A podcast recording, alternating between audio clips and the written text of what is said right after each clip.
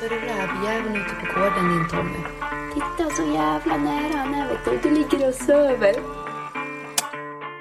Vi vill tacka våra sponsorer, JK Hunting och Hunter. Glöm inte bort att det fortfarande går att vinna den här ultimata rävbössan. Gå in på Rovdjursjägarna podcast på vår Instagram. Vi kommer att vara på plats den 19 augusti. Då har de ett event på JK Hunting i Orsa. Missa inte det så drar vi vinnaren där. Låt oss presentera en av Nordens mest erfarna björnjägare. Han är en väldigt stor anledning till att många av oss börjar med just rovdjursjakten. Välkommen till oss, igen. Ja, tack så mycket. Vi har ju liksom fört statistik, eller datorn har gjort det åt oss, så vi har ju sett att ditt avsnitt har ju varit det populäraste, det mest lyssnade avsnittet. Så jag tänker ju att det passar ju bra att köra en gång till, fast nu kommer vi ju hit till Bohuslän, heter det ja. ja. Nej, vi åkte hit i alla fall och tänkte, ja, ta två, ta två flugor en smäll lite grann och hälsa på Kapten Ren och bland annat här. Och det är ju i närheten här också. ja. Men eh, vi har haft mycket intressanta samtalsämnen här innan vi tryckte på räck här, så vi får se om vi har några, några kvar. Kanske avtalat allt redan. ja. ja, men vi kan ju börja. Vi, vi såg så här på en eh, raskonferens för Smålandsstövare här och då tyckte jag att du förklarade ganska bra där med pyramiden. Berätta lite om den här pyramiden som du ställde upp där på tavlan. Ja, ska jag säga först och främst att det var väl inte riktigt så ut eller genomtänkt som det kan låta, utan det var väl bara någonting jag satt och skissade på när jag var med på raskonferensen där. Eh, och då tänk, jag kom på det egentligen när jag satt där under typ en halvtimme före jag skulle upp och prata. Eh, och det handlar väl egentligen om att försöka förklara eh, alltså svårighetsgraden på något sätt. Just den här pyramiden. Och, och börjar man med, med räv och, och andra, alltså som jag räknar små predatorer då, mink, mård, grävling och så vidare. Det är liksom basen i en fungerande stövare och då räknar jag ju inte att jag räknar ju att det här är en fungerande stövare från början. Men av det så kommer det ju liksom nästa hack lodjur. Och hacket efter det, det är ju varg och järv. Och hacket längst upp på stapeln då, eller på pyramiden, det är ju en björn. Och jag skulle ju säga fortfarande att jag strävar ju dit med alla hundar som jag skaffar för det ändamålet så är det ju mot björn jag går. Men basen är ju själva den här småroviltet som jag börjar med och så vidare och som jag liksom, det är det som är grunden i det. Men jag tänkte att det där var ju ett sätt för att försöka förklara för de som har kanske jagat hare hela livet att alltså det är inte lätt att jaga in en hund på björn.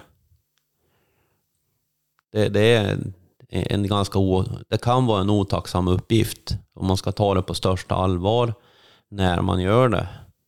Så att man inte åker ut en eh, ja, torsdag kväll klockan ja, ungefär en timme före att det börjar bli mörkt och så släpper man på en björn, sin ungstövare.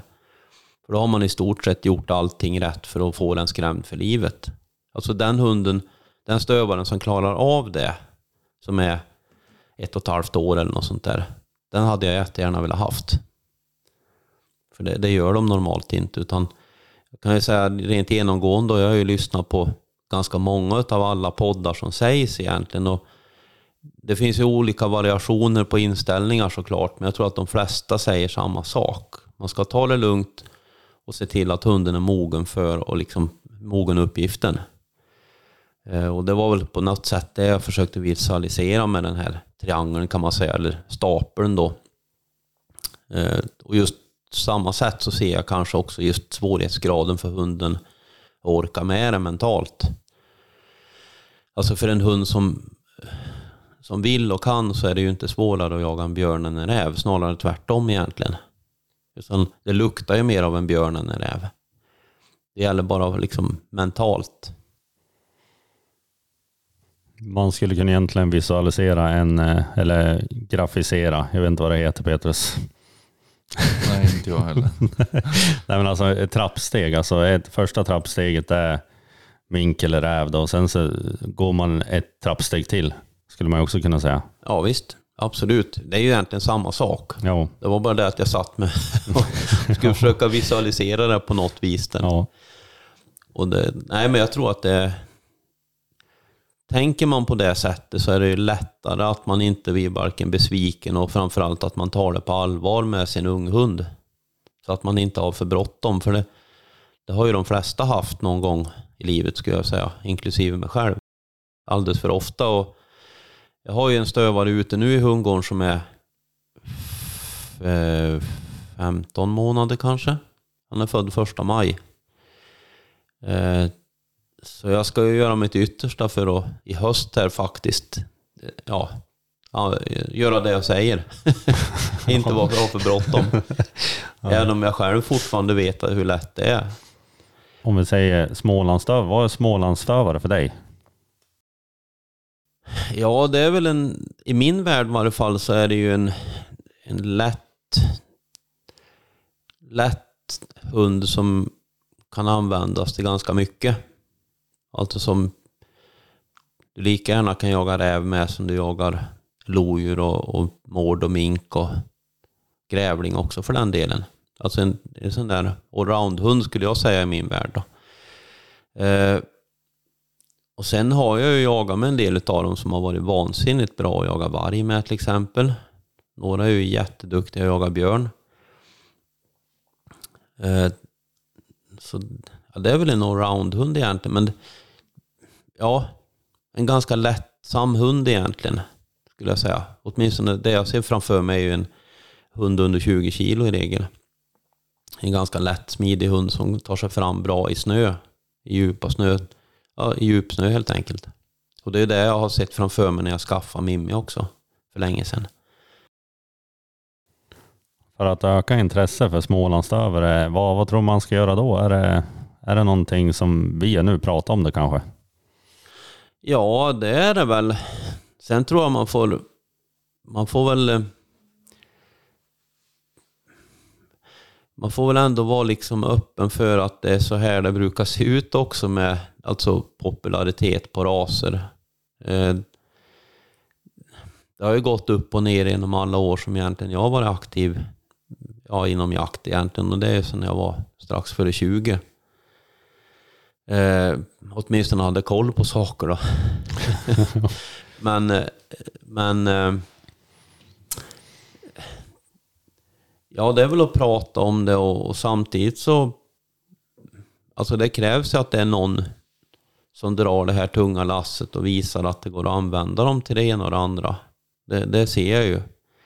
Och det är väl det som har styrt populariteten för alla andra stövarraser också, eller alla andra raser oavsett.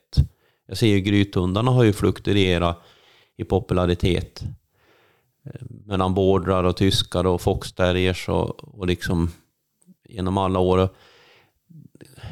Bara några få personer kan ju göra en ganska stor en, en ganska stor eh, alltså inverkan på en ras popularitet. Ja, bara genom att de syns och finns med, i, kanske till exempel i filmer, att folk säger att ja, men en border terrier hade jag velat haft mig. Och så var det lite när jag höll på då, eller skaffade första terriern då vid... Um, vad fasen var det då? Någon gång på 90-talet där. Och då var ju border terrier i ropet. Och, och liksom foxterriern var ju ganska liten då skulle jag säga. Så, och det har ju fluktuerat. Idag känns det som att border terriern är betydligt mindre som ras och foxterrierna större till exempel. Så det går ju upp och ner hela tiden egentligen. Eh, men där tror jag att Smålandsstövarföreningen är ju på rätt väg helt enkelt. Genom att, framförallt handlar det ju om att man åtminstone försöker liksom förklara att det är ju inte en ren harhund utan den går ju att använda till det mesta egentligen. Och det, det, det räcker många gånger med det. Skulle jag säga. Kommer det bli någon fler Smålandsstövare för dig i framtiden tror du? Ja, alltså det är jag definitivt inte främmande för. Det är definitivt inte. Utan det, det, det är inte omöjligt på något vis. Det är det inte. Jag får väl ta ett steg i taget. Får se vad som händer om Z som står ute i hundgården just nu inte motsvarar förväntningarna. Då, då kan det ju fort ändras. Ja. Men om man ser till nordisk stövare så har du använt finnstövare. Vad, vad har finnstövaren tycker du som inte typ en smålandsstövare har? Vad är det liksom, vad är det för skillnader där? Egentligen det enda skillnaden skulle jag säga det är att jag har ju koll på de linjerna som är eh, ifrån Boss som jag har då. Eh, hade jag inte känt Stefan och jagat med hans hundar så hade jag nog aldrig känt att jag måste, eller då hade det inte säkert varit alls överhuvudtaget att jag hade blivit en finstövare. Om jag ska vara helt korrekt. Så många gånger handlar det ju mer om att man är ute på jakt efter, i mitt fall då när jag hade rysstövaren Helga då, när hon började bli gammal och alltså komma uppåt 11-12 års åldern så kändes det ju som att nu börjar det bli jävligt bråttom att skaffa en ny hund. Och då blir det ju Boss då och det blir ju på grund av att jag hade koll på linjerna tack vare Stefan då och jag jagar mycket med Lynx då. Och och då känns det ju som steget inte så långt till att liksom satsa på samma sak. Det var tillfälligheter egentligen då och att du hade jagat med föräldradjuren lite grann också. Ja visst, absolut. Eh, Tiken ska vara ärlig och säga att jag inte har jagat med så mycket alls. Eller jag har inte jagat med en alls. Utan bara vad jag förstått är en bra hund om man säger då. En bra rävhund framför allt. Eh, och jag tror att det, det blir ju tillfälligheter mycket. Alltså i den bästa utav världar skulle man ju kunna påstå att det är mycket mer än tillfälligheter. Men till viss del handlar det om att man har behov av en valp. Mer eller mindre i varje fall. Jag menar, jag hade ju egentligen inte haft jättebråttom att skaffa en till, för Mimmi var inte så gammal när jag skaffade Boss. Mimmi är ju 12 och ett halvt och Boss är ju 7 nu, så hon var ju inte så gammal när jag skaffade han. Men på samma sätt så vill man ju liksom undvika de här glappen som blir. I min värld i varje fall så har jag nästan inte, jag har varken råd eller ro och vänta liksom på att en hund ska bli gammal och dö och så ska jag skaffa en ny. Utan när den gamla hunden börjar bli gammal ska jag redan ha en ny på väg in. Eh, och normalt är det ju så här att man bör egentligen inte ha en hund, alltså man bör skaffa en ny hund var tredje, fjärde år ungefär. För att hålla det. Nu har jag dragit lite på det för jag, i och med att jag jagar ganska mycket med Stefan på höstarna plus att vi jagar ju rätt mycket ihop här hemma i Älvdalen och där har vi gott om stövare. Det är inte ett problem. Utan oftast kanske vi har fler stövare än rävspår på morgonen när vi är ute på snön. Så det känns inte som att det liksom är ett, ja, ett övergripande problem så. Känns som att vi kan skaffa några fler stövare då. För vi har ju alltid mycket spår. Ja, här hemma är det mer spår än det är jägare och hundar. Ja. Ja, Men det där är väl en ganska intressant sak också, liksom att se hur kultur, jaktkulturen styr liksom vad det är för, eh, ja men som här verkar det vara en väldig kultur med rävjakt gentemot hemma. För det är liksom hela Västernorrland för något år sedan var det fem provstarter i på räv. Och det är inte många alls som jagar räv. Nej. Nej, men det, det är mycket här. Och det, det tycker jag väl. Jag skulle nog säga, alltså jag är ju född, uppväxt i Värmland. Jag flyttade ju upp hit när jag var typ 19 då. Och det som tilltalade mig framför allt här uppe, det var ju de stora vidderna och, och att man, det fanns ändå en hel del, alltså utbredd jaktkultur för mård och räv. Det var ju på något sätt det som tilltalade mig. Eh, ja, det, men jag tycker fortfarande det är intressant för när vi för inte så jättemånga år sedan var upp till till exempel Sveg som ligger typ 10 mil härifrån. Eh, och när vi började på att jaga lodjur där så fanns det mig veteligen i stort sett inte en lodjurshund där uppe. Alltså folk jagade, de sköt några lodjur med fälla och det var ju lodjuren så in i fruktansvärt där alltså. Och det märktes ju också för alltså rennäringen hade ju ganska mycket tapp där i Vemans dalgång med omnejd. Och, och, men alltså det sköts jättemycket lodjur under några år där. Och, och jag menar, det var så mycket lodjursspår när vi var ute där och spåra så att man fick liksom inte göra för stora ringar för då bytte man djur. Eh, det, så mycket var det i början där om man säger det. Det sköts också mycket lodjur och vi, det vart ju i önskad effekt kan man säga. Men det är ju bara 10 mil härifrån och det liksom var folk mer eller mindre, jag ska inte säga ovetande, men de vi träffade på hade ju noll koll på det här med, med alltså stövarjakt på lodjur till exempel, eller lodjursjakt överhuvudtaget med hund. Eh, Och där har det ju blivit en otrolig liksom kunskapsupphämtning där uppe i med omnejd, för nu är det ju inte så längre. Men jag tycker ändå det är intressant, liksom 10 mil över skogen och så är det helt andra förutsättningar. Jo, jo men exakt. Det är det jag menar. Vi, egentligen, vi bor ju inte så jättelångt härifrån heller. Nej, Så det, Nej, fy- fyra timmar bara. Jo, jo, men det är ju ändå inte en Rom, eh, Romresa eh, Nej. med kälke. Så det är liksom eh, intressant hur, hur olika det blir på så kort sträcka. sen så har ju Ja. inte vi, vi har ju haft väldigt dåligt, eller det har ju inte varit svinmycket björn precis på våra marker. Nu, nu finns det väl lite, men alltså om man säger över tid. Och det har ju liksom, jag vet inte om det är det, och så lodjur, ja visst, men det är ju inte alls som du beskriver där.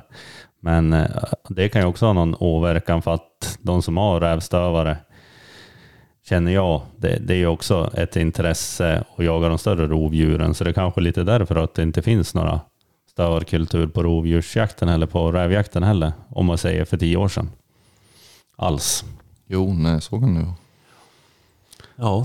Så att de här större rovdjuren för med sig liksom stövarintresset också. Och, och 95 procent av tiden, eller 99 procent när det gäller oss i alla fall, så jagar vi ju räv med våra stövare. Och det blir väl något sånt. Ja, det, det, i min värld så stämmer det ju. Alltså jag... Det är ju... Björnjakten är ju under björnjakten. Och sen är det ju lite träning under hösten när man känner att det liksom är passar så att säga. Eller liksom är en lämplig björn att träna på. Eh, sen är det ju rävjakt. Och, och andra liksom små predatorer kan man ju säga. Så... Men jag ser ju det, tror vi har sagt det förr också, eller inte idag kanske, men jag ser ju det att när vi har jagat björn i en månad ungefär så är det ju, går det ju inte så bra att jaga räv. Alltså hundarna är ju lite bortskämda tror jag helt klart med att jaga björn. Alltså det luktar så mycket mer. Det är lättare att spåra upp dem. Och, så det blir som en sån där återhämtningsprocess där några veckor innan man är igång med rävjakten på riktigt under hösten där faktiskt. Det ser jag. Men det, det var ju i och för sig en helt annan sak. Men ja. Ja, ja. men om man är inne på det här lite popularitet och sådär. Du har ju varit mycket med sådana här eh, ungdomar som går i jaktgymnasium och sånt. Vad är det för intresse om vi säger överlag? Vad vill de jaga? Är det, är det rovdjur med stövare eller är det liksom grisjakt och stor, ändå större vilt som är på deras agenda? Ja, men jag upplever väl naturligtvis att det är väl ett ganska stort intresse för just den här eh, ja, rovdjursjakten med hund. Och vi har ju faktiskt varit ute och tränat på björn. Och även tränat på järv också faktiskt. Och försökt att jaga mård och skjutit lite grävling och lite räv och lite allt möjligt sånt här. Eh, så det jag har sett som min uppgift egentligen när vi har varit ute, det är att försöka visa bredden på om man kan använda en hund och, och liksom hur jaktformen går till så att de hänger med. Och det finns redan inplanerat inför hösten här att vi ska ge oss iväg på, som jag har sett det då, en grävlingssväng som jag kallar det. Alltså där vi åker iväg där det är gott om grävling och så är vi ute och jagar både på natten och på dagen egentligen. Alltså, för den formen är svår att presentera här, där vi har liksom mer björn än grävling på skogen skulle jag vilja påstå. Så det är liksom svårt att få dem att... Det är svårt att hitta en grävling på natten helt enkelt. Eh, men det ser jag, det är som en, en...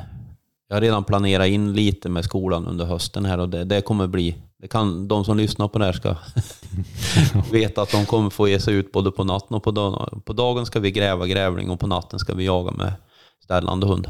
Men eh, hur gör man då när du går ut där på natten? Är det liksom du släpper hunden på frisök eller letar åt någon? Liksom man ser ju mycket neröver att de nästan kollar på alltså, stora öppna ytor och hittar den och släpper på så eller?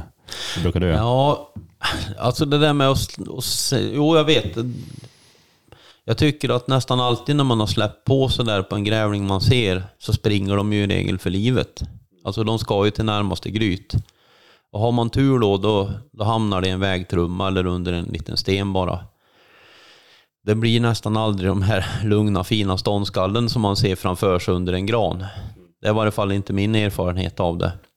Utan vi, jag vet att för länge sedan då så konstaterade vi det, för då var vi ganska mycket neråt Småland och Sörmland och alla möjliga platser och jagade grävling. Någon sväng då, en vecka varje år i augusti där. På den tiden när det var första augusti var liksom stopp, startdatum. Eh, med ställande hund. Och de grävlingar som man såg släppte vi så gott som aldrig på. Utan för, och skulle man släppa på en sån grävling så liksom åkte man förbi. Och sen så gick man tillbaks och släppte hunden där kanske ett, ett tag senare. Alltså en halvtimme eller någonting. Och då hade man större chans att det faktiskt blev ståndskall på den. Men alltså rev man ut hunden bara hipp som happ så här, då, då vart det panikspring till närmsta jättegryt. och så kanske man blir kvar där resten av natten för att försöka få ut stövaren. Ja. Eh, nej, så det, nej, men det jag ser framför mig, det vi ska göra, nu beror det ju lite på. Eh, jag ser framför mig att då när jag kommer hoppa in i skolans värld då så blir det ju efterbjörnjakten. Eh, och då är ju havreåkrarna tröskade och så här. Så det vi kommer att göra då det är ju att vi kommer att pinpointa de stora fina grävlinggryt som finns och så släpper man stövaren därifrån. I hopp om att den liksom tar lite utspår därifrån och piper iväg. Och, och det tror jag är den absolut största chansen och att vi får en träff där så att säga på, på rätt viltslag. ja, det finns lite mer störningar kanske där nere än vad det finns i Västernorrland i alla fall. Här Ja. Ja, det, får, jag- det, det gör det garanterat. Nej, men det ser jag framför mig att det ska vi göra. Det ser jag fram emot själv också jäkligt mycket. det är en rolig jakt. Ja, det är... Jag gillar att vara ute på natten. Alltså och smyga runt liksom och... Ja, men det är ändå lite... Ja, det är skönt på något sätt. Alltså trevligt. Man är själv ute faktiskt. Ja. Det är inte en människa i farten. Men du har inte prövat på grävlingsjakt här omkring och sen så smyger med ficklampan och sen så är det en björn där istället för en, eh, en lite mindre pyjamasbjörn. Ja, ja, men det har väl hänt någon gång ibland. Det har det gjort. Vi- Visst har det gjort det. På, det, det har det, men det har väl aldrig blivit någon, någon incident som man tycker att den var ja, otrevlig på något sätt. Då, utan oftast blir det ju bara att när man kommer in där och så märker man att det går undan i gångstånd eller någonting och så uppfattar man väl att okej, ja, ja, det var inte en grävling. Nej. Behöver en större kaliber än 22 grytpistol kanske då. Ja, så är det ju. Så är det ju. Men, eh, nej, men jag, jag tycker det har gått bra. Man hör ju i regel, om man har varit med ett tag, att, ja, att de står och skäller. Det har ju faktiskt hänt någon gång också för för massa år sedan att vi... Eh, jag vet inte riktigt varför, men vi var i ett visst område i varje fall mot norska gränsen och där flera gånger så hade jag ju ett problem att jag tror att det var så här att vi hade tagit småbjörnar och då sprang de in på norska sidan. Och till slut så släppte faktiskt hunden och kom tillbaks. Fråga mig inte varför, men det kan man ju spekulera i. För det, grejen är att vi hade ju inga kartor på norska sidan, så det kan ju vara något stort vatten eller vad som helst där. Men på vägen tillbaks hittade hunden någon grävling i varje fall. Och då kunde man ju liksom stå och lyssna så här, så bara, ja, vet du fan, jag tror inte att det där är en björn han står och skäller på nu. Det låter lite för bra. Och, och det var ju också en grävling. Ja. Jag såg att ni la precis ut en film här på Astro Swedens eh, Youtube-kanal här där ni spårade björn. Vad är, vad är det för någonting? Det står att det är något skandinaviskt björnprojekt. Hur fungerar det? Ja, det där är ju... Eh, alltså... Man säger så här att det, det här är ju någonting som eh, Viltskadecenter har för... Det är väl snarare en tjänst för att certifiera hundar och prova ut hundar som ska liksom fungera för uppgiften att spåra björn. Eh, jag vet inte om jag säger det i filmen, men eh, jag har sagt det i varje fall i filmen. Jag vet inte om det kom med just där. För det var inte jag som klippte ihop filmen. Eh, men det, det, är ju inte en tjänst som är till för att Rasmus ska få bättre jakthundar. utan, utan det här är ju en tjänst som en myndighet, alltså som, ganska, som nästan alla myndigheter så är man ju liksom ute efter att certifiera hundar. Egentligen för att framförallt när man skickar ett ekipage så ska man ju säga att det här, det här ekipaget är certifierat. Det är si och så bra. Och det är det man använder den här tjänsten till för att se hur gamla spår till exempel kan en viss, ett visst ekipage ta. Eh, och därför får man ju spår som kanske är någonstans mellan, ja, mellan 6 och 20 timmar gammalt ungefär. Och, och, många gånger handlar det om att man ska liksom kunna läsa hunden. Eller jag, hundför, jag som hundförare ska ju veta liksom att när vi hamnar i ett spår som hunden reagerar så här bra eller så här dåligt i, så ska jag ha en känsla för, alltså så här brukar den reagera på spår som är sedan igår, om vi uttrycker det så. Och det här är ju någonting som liksom behövs. Det kan ju till exempel vara så här att någon säger att jag såg en björn som sprang efter en ko i en hage till exempel. Eh, och då är det helt plötsligt en så kallad rovviltattack då. Eh, och då kan ju det första steget vara att man åker dit som ekipage då för att konstatera om, det ens, om, man, om hunden markerar att det är en björn. Och det är ju det här som man använder det till från myndigheternas sida kan man säga. Och sen är det ju Sen hjälper jag ju till en del att märka björn på vårarna, har gjort det ett antal år nu uppe i Idre här då. Eh, och det är för ett annat projekt. Men i det projektet är det ju också en fördel för mig att, att liksom kunna, ja, eller för forskarna också, för det är ju ganska dyrt med helikoptrar och allting, att man faktiskt kan se att så här bra eller dåliga är hundarna och det här klarar de av. Så, så det är väl flera aspekter i det. Men det här är ju någonting som det här är ju någonting som Länsstyrelsen, Viltskadecentrets ekipage och också NVR-anslutna ekipage då i viss mån har möjlighet att komma till och, och spåra. Så det är tyvärr ingen tjänst som gemene man kan komma in på, så vitt jag vet, på något sätt. Utan att man liksom är utpekad som ett, ett ekipage som kan plockas in vid behov för olika ändamål helt enkelt.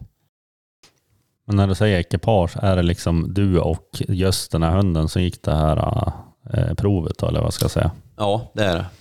Utan det är ju specifikt för det ekipage. Och det här ska ju göras om vartannat år då för att behålla certifieringen. Ska det göra. Så det, och då finns det olika steg på det här då. Alltså 1 till 5 kan man säga. Varav längden, åldern på spåret och så här eh, anger certifieringsgraden då. Eh, så till exempel steg 4 som jag brukar gå då, eller har gjort ganska många år nu då, då, då ska du ta fem spår eh, som är över en kilometer. Och sen ska de ju, nu kommer jag inte ihåg om det är 12 eller ja, timmar gammalt plus minus några timmar. Eh, och då får du inte missa någon position efter vägen där. På de, den kilometern och lite till då. Eh, och det här är ju just att de inte får missa positionerna. Det är ju framförallt om du liksom ska utreda vad en björn har gjort för någonting till exempel nu då. Så får du inte missa det, för det kan ju vara den där missen som också säger vad den faktiskt har gjort för något fel om du förstår vad jag menar. Det kan ju vara till exempel en rovdjursattack eller att den har ja, jagat en människa eller vad som helst. Eh, så i det läget så, så måste man liksom ta spåret från A till Ö så att säga. För de som har sett den, redan sett den här filmen så uppstår ju lite problem där. Kan du berätta lite om det? Det var vid någon väg där tycks jag minnas. Ja, det stämmer. Det stämmer. Eh, det var ju det första spåret vi tog tillsammans, jag och Peter där. Eh, ja, vi tappade i vägen helt enkelt. Björnen hade väl följt den här grusvägen som vi också kom och åkte in efter då på väg till spåret då. Eh, sen om det har en förklaring med det, det vet jag inte. Att vi helt enkelt körde sönder spåret just där. Eh, grejen är att vi hittade inte spåret av vägen heller. Och sen är det ju så att jag törs garantera att det är Orsa Finnmark, så om vi bara går lite tillräckligt långt efter vägen så kommer vi hitta ett annat björnspår någonstans där. Och då, det är ju, meningen är ju inte att vi ska liksom spåra in ja, vilken björn som helst, utan vi ska ju hålla spåret efter den björnen som vi faktiskt har, har blivit satta spår från, från början. Så när vi hamnar i vägen där jag inte hittar någonting inom typ 500 meter ungefär, så, så att då tycker jag vi bryter nu.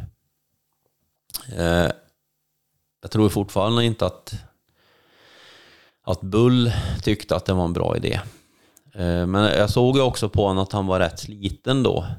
Eh, för grejen är att han har blivit ståendes ganska mycket här sedan i slutet på maj. För han blev riktigt halt i ett framben då.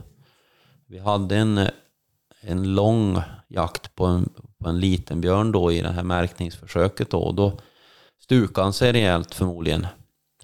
Så faktum är att jag inte kunnat träna han speciellt mycket alls under sommaren nu. Så som jag hade borde ha gjort. Och det tycker jag märktes när vi var och spårade nu att han hade betydligt sämre liksom ork och kondition. Utan han pallade inte med riktigt när vi hade de här spårningen och, och när det var varmt ute helt enkelt. Så det var egentligen till viss del av det också, att han såg jävligt sliten ut då. Och, och det var inte det att vi gav upp. Ja, det man ser i filmen är att vi liksom står i vägen och ger upp, men det var inte riktigt så det gick till, utan vi tillbringade faktiskt eh, ja, några timmar där. till vi gav upp. Eh, något som var intressant som är, ja, framgick i filmen lite grann, och det är ganska tjurig också, hunden också det såklart, men alltså om du har ett tapp vid en väg, hur, hur gör du då liksom för att hitta det? Det luktar dåligt i vägen. Då hade du ju någon, liksom, hur du brukar göra, ett mönster som du har lärt dig av erfarenhet då? Ja, det, alltså ibland så luktar det ju så bra i vägen så hunden kan spåra vägen och det ser man ju. Sen kan jag ju säga att det har ju varit också ett problem ibland om spåret är lite halvnytt. Det har jag upplevt några gånger och jag har väl ingen direkt teori på det, men eh, ibland händer det liksom att det åker en massa bilar in efter en väg. Alltså det är ju vanliga grusvägar som folk får åka på. Det är bärplockare och lastbilar. Och, och ibland då om spåret också är halvnytt så verkar det som att vittringen fastnar på däcket. Och det har jag varit med om någon gång, liksom att liksom, vi kommer upp i en väg och sen går hunden och spårar. Liksom. Och jag ser på honom att ja, han drar som fan och skäller och liksom och sen så bara ändrar det upp i ingenting. Eh, och det tror jag många gånger har att göra med att liksom bilen har fått med sig spår, alltså vittring ifrån, med däcken då. Och sen så bara dör det ut efter ett tag. Eh, men i normala fall så blir det ju tappt i en väg. Och självklart försöker jag gå efter vägen och hoppas på Oftast om det är en lite halvdålig grusväg så kanske det blir en mittgren med lite gräs och så. Då fastnar det ju en del vittring just där. Så går man liksom efter vägen först och främst så kanske man har då kan man se liksom att hunden liksom fångar vittringen där björnen har bytt bilspår om man säger. Då har man ju ändå en indikation på riktningen. Eh, men hittar man inte det som vi inte gjorde nu, till exempel att vi fick ingen indikation på riktning på björnen heller då. Bara att vi hade ett tydligt spår upp i vägen och sen där var, där var det stopp. Ja, då brukar jag alltid först och främst gå dikesgrenen då. Och sen beror det ju på lite hur det ser ut, men det fastnar ju mycket mer vittring av björnen om man säger i, om det är en decimeter högt klippt gräs eller vad det än är, än om man går i det grusiga liksom. Problemet är att nästan alla hundar vill ju gå där det är som lättast att gå. Och det innebär att de, går, de vill liksom dra ut i den här bilspåret då. Det vill ju Bull också nu. Eh, men hade jag gjort egentligen som jag brukar göra så går jag kanske 10-15 meter bredvid vägen. För där är sannolikheten mycket, mycket mindre att vi inte fångar spåret så att säga. Och hade jag gjort det nu, gått rätt upp på det här hygget där vi tappar spår och sen hade vi gått liksom ja, parallellt med vägen 10-15 meter ovanför, då hade vi ju fångat det här spåret. Nu gjorde jag det på nersidan. Eh, mest bara för att Bull ville dit hela tiden. Eh, och jag tror säkert att vi hamnar i jag tror att vi hamnade i ett mycket äldre björnspår där. För han gick och drog neråt där. Men det var, det var som att det liksom luktade men fastnade inte. Och det brukar oftast vara att det är ett spår som kanske är ja, ett och ett halvt, två dygn gammalt då. Det går inte att följa det men det liksom luktar.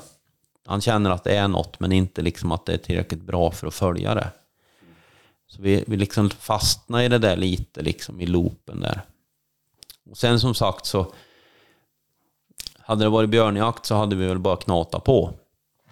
Men nu var det ju faktiskt meningen att vi skulle hitta just den björnen. Och då blir det ju lite mer slumpartat när man helt enkelt vet hur mycket björn det är i området då. Så då valde jag att bryta då, Vil- vilket ska faktiskt tilläggas att eh, det är väl det första misslyckade spåret på eh, ja, sex år, eller åtta eller något sånt där. Ja.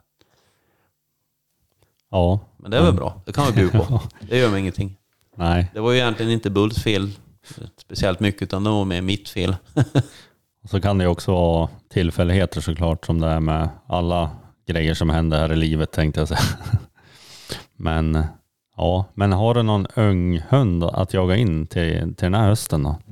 Nej, inte på björn.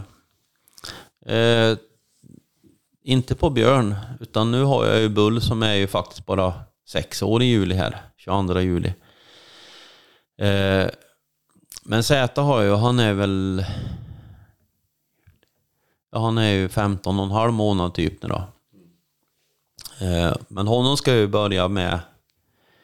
Ja, jag börjar ju såklart redan under våren här han, han har ju varit ute och jagat lite mink under våren här och jag börjar ju på att jaga lite räv med han också här under våren. Ehm, jag kommer ju ha med han under björnjakten. Men det innebär att jag kommer att spåra björn med han och ha med han bland fällda björnar så att säga. Ehm, och, och sen blir det väl ungefär som att man börjar det här liksom att har man en jaktlöpa till en skjuten björn så kanske man släpper han eller går och spårar i spåret fram till björnen då. Och det är väl där ungefär jag förväntar mig att vi kommer hamna i höst. Eh, men annars kommer det bli 99 procent mård, eller framförallt räv, men också lite mårdjakt och lite sånt där för hans del. Eh, sen har jag en terrier, eller vi har en terrier, Iris, och hon är ju ett år nu i morgon tror jag. Och henne kommer vi ju, Eh, ja det kommer bli som vanligt där också. Jag kommer att släppa henne under hösten på lite lättare grejer, alltså lite lador och sånt där med någon räv i och så vidare. Och sen försöka ha med henne ut i någon, ja, mordjakt såklart under hösten här. Eh, kommer nog inte gräva någon grävling för några det har jag inte tänkt att göra. Jag kommer inte gräva för henne överhuvudtaget faktiskt. Utan jag kommer satsa stenhårt på att hon ska fungera som en sprängare snarare än en förliggare. Sen får man ju se lite vart det tar vägen. Hon är ju så pass lite provad så jag vet ju fortfarande inte om hon liksom är en hund som vill ligga och skälla eller om hon är en sån som vill komma ut och söka kontakt och alltså jobba som en sprängare. Eh, många gånger tror jag att man gör det enkelt för sig att se lite vad hunden själv vill. Och så kan man liksom försöka jobba med det. Jag hade ju en terrier innan som heter Holly. Som fick flytta här för eh, ja, ett drygt år sedan då.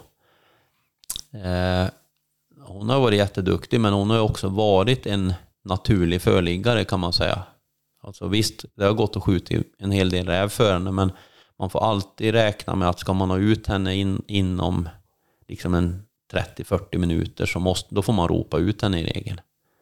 Alltså hon ligger så länge och lite till. Hon kan ju ligga ännu längre också om det vill sig men alltså grejen är att man ser ju ändå liksom på hunden att det är ju liksom en förliggartyp i själ och hjärta om man säger då. Och då kändes det enklare att bygga kanske på, eftersom rävjakt är det jag håller mest på med, så är det ju, känns det enklare att bygga på Hilda som jag har då, som är mer en sån som ligger inne, kommer ut, eh, alltså mer naturlig sprängartyp. Och det är ju den Iris är efter nu då, så vi får se. Sen har jag en finspets som är, eh, hon blir faktiskt två år nu i oktober. Så henne hann jag faktiskt jaga in under hösten då. Eh, så hon gick väl ifrån och, och lämna träd och bete sig allmänt bedrövligt skulle jag säga. Eller hon var duktig att resa fågel men dålig att stå kvar. Till att faktiskt stå, stå och stimma på själv, eller stå och bjäbba på till jag, ja, ja, till, till jag kom dit egentligen. Så det, det ser jag framför mig att den injagningen är väl i stort sett klar skulle jag säga. Nu gäller det bara att jaga på med henne och visa henne lite andra saker. Jag tyckte att hon skötte grävling, eller fågeljakten så pass dåligt i höstas i början där. Det ska ju tilläggas att hon fick ju liksom inte tid att jaga fågel förrän i slutet på september. När björnjakten var slut. Så det var ju inte så schysst kanske men jag ser framför mig att hon ska visa lite andra jaktformer nu under hösten också. Grävlingar och sånt här och så bredda repertoaren lite. Men den här trädskällarjakten, är det någonting som du har hållit på med förut eller är det någonting som du har börjat på nu senare här? Nej, för tusan. Den första hund jag skaffade egentligen var en finspets. Eh, och då var jag väl eh, 19 eller något liknande, eller 20 eller ja, där någonstans. Så det gjorde jag. Jag skaffade Arak där och honom hade jag ju till han blev typ 13 eller någonting. Han, han gick och dog helt enkelt. Eh, jagade hemskt mycket fågel med han. Men framförallt så var vi, både han och jag var lika intresserade utav grävlingar och minkar och mårdar och sånt där. Så det var väl faktiskt det som var själva grunden till allting. Sen tog det ju rätt många år innan jag skaffade min första stövare. Faktiskt. Ja, jag, känner igen det här från första avsnittet. Ja, jo, jo. Ja, jag kom på det när jag ställde frågan att det har du ju haft. Jo, jo, nej men det stämmer. Utan det har blivit en utvecklingsfas där som, som för de flesta kanske. Så din hundpark, hur ser den ut om vi summerar den här? Det verkar vara ett gäng hundar. Ja, det är det ju. Eh, som det är just nu då så får vi hoppas att Zäta ja, börjar på att visa sig i höst och göra det han ska. Och så får vi ju hoppas att Terriern... Eh, men Boss är ju faktiskt sju år. Så honom är ju... Jag skulle ju haft en ersättare till honom, alltså för... Den skulle jag skaffa för ett år sedan höll jag på att säga, men det gjorde jag ju. Men jag skulle kanske ha skaffat en ersättare för två eller tre år sedan tillbaks till honom. Eh, för nu förutsätter ju allting att Zäta liksom växlar i kanske nästa höst så ska ju han börja på att visa framfötterna lite då. Om ett drygt år. Då ska ju han börja på att fungera liksom på saker och ting. Eh, och sen eh, när bossen är nio år, då, behöver jag, då är ju Zäta tre över sig. Då behöver han verkligen Zäta liksom växla i för att och, ja, ta över en boss, om man säger så. Som är på väg neråt. Så, och det blir ju lite som att köpa aktier. Man får hoppas att det går upp och inte ner. Det är ju så Ja. det är med hund, hundar. Som, men eh, jag har ju Bull, Boss. Eh, om vi börjar uppifrån så är jag Mimmi som är 12 och ett halvt. Eh, och faktum är att henne, jag har velat både hit och dit hur jag ska göra med henne men det hade faktiskt, eh, jag är lite, jag har funderat på att jag borde egentligen lägga ut ett inlägg att om någon typ pensionär där ute vill ha en smålandsstövare som fungerar bra att jaga med. Man kan inte liksom kräva att de ska jaga björn en hel dag, eller jaga en hel dag, för det orkar hon inte. Men om det finns någon där ute som vill ha en hund som funkar att jaga det mesta med, så finns det en smålandsstövare nu som kanske behöver flytta till ett hem och, bo- inne eh, hela tiden.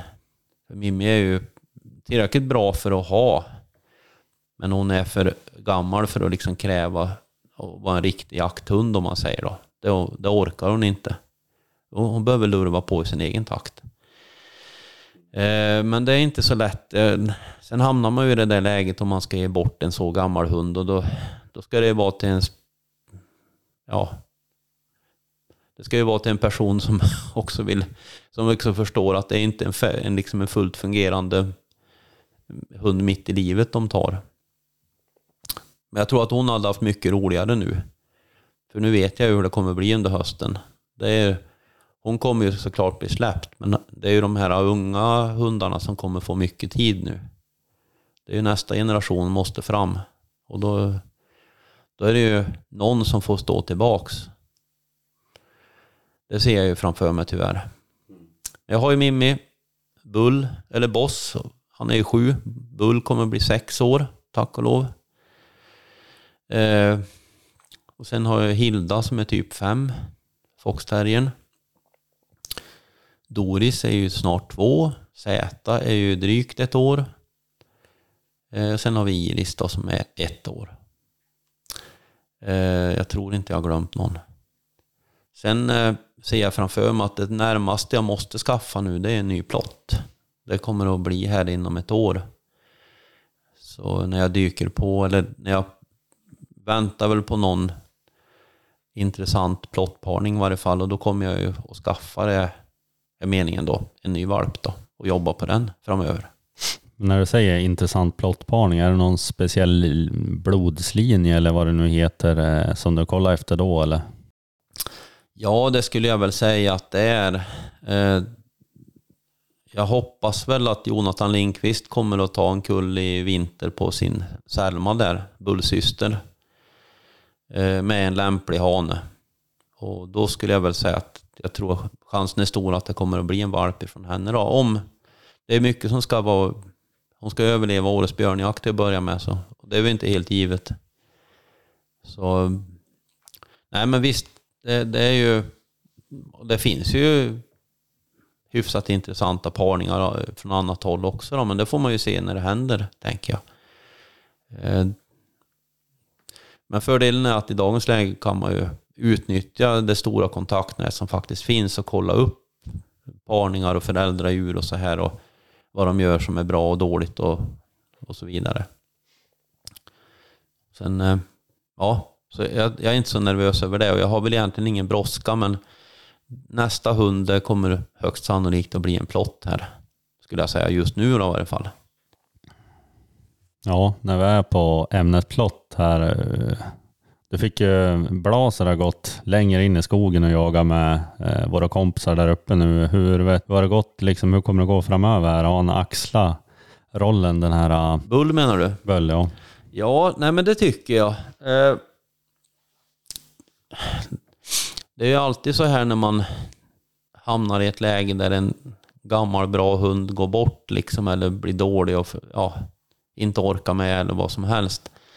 Då har man ju ändå en, alltid liksom en olustkänsla i kroppen liksom att undra hur det här blir nu då. Är det slut nu? Och det, den känslan hade jag ju, eller funderingen hade jag ju också när Helga gick bort då, rystövaren.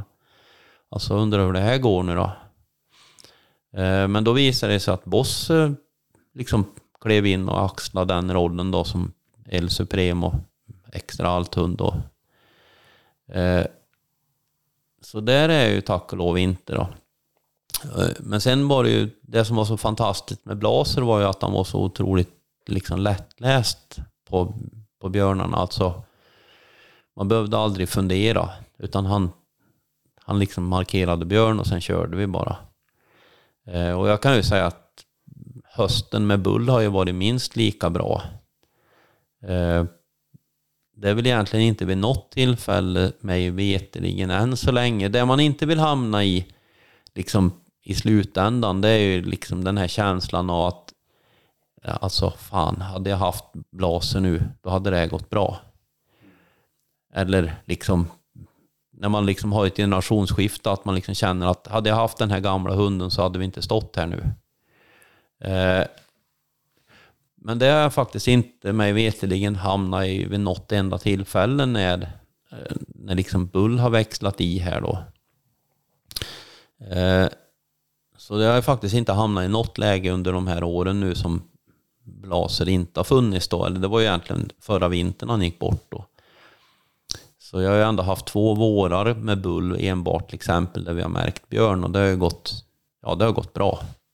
Det är väl inte som sagt vid något tillfälle som jag känner att det hade gått bättre om vi hade haft blaser. Eh, sen tyvärr så har ju Bull kanske utvecklar den här plottendensen som många bra plottar har. Det är att de, ja, jag har svårt att tro att Bull kommer klara sig livet ut utan att bli allvarligt skadad. Det, det tror jag inte.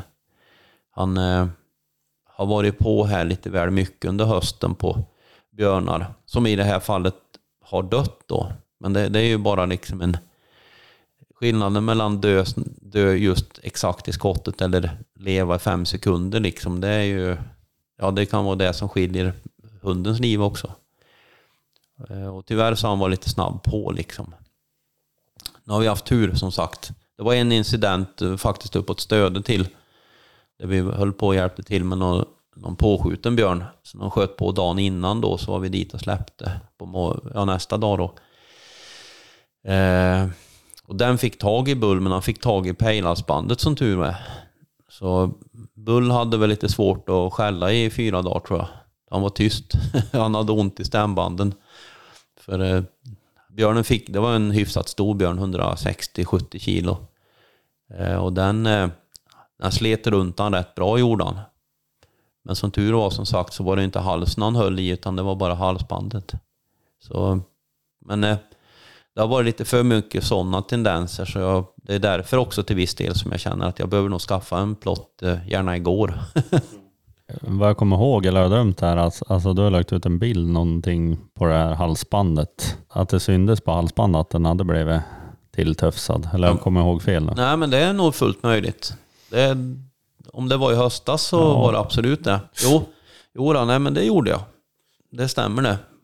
Som sagt, det kändes mer som att det bara var tur att björnen inte liksom fick tag i något mer. Alltså, han hade faktiskt, och det var ju också rever i halsskinnet på hund. Det var bara det att liksom när han liksom smällde åt käftarna så var det bara halsband han fick tag i och inget mer. Så ja, och vi har nog mer sådana tyvärr till, tillfällen liksom känner jag där det liksom bara kunde ha gått fel också. Så det, det är lite jobbigt och det resultatet med det här kommer ju bli egentligen som för Blasers del då att vi kanske liksom kommer spåra mer med bull och sen så när det kommer till att släppa så kanske det är någon utav de här finstövarna som är lite mer rädd om sig, som inte är på lika hårt när det smäller, som får ta ja, liksom det roliga egentligen. Men jag har också sett lite grann, du har jagat in någon finstövare här som eh, Jenny Kvarnströms. ja, Jenny ja. Mm. Men det är också efter eh, någon, samma blodslinje där som... Ja, eh, för då- nu ska jag inte jag... eh, Alltså när det kommer till stamtavlor så är jag inte bäst på hela jorden på det, men jag tror att det är ju Boss syster som är mamma till Kenzo som han heter då. Ja. Eller Keso har jag döpt han till. Men eh, ja. nej då, men han är, han är ju bra. Han gjorde väl det egentligen bättre och bättre där och, och sen får man ju se lite vart han landar. Förra hösten ju, var han ju med och gjorde det bra. Han var också med.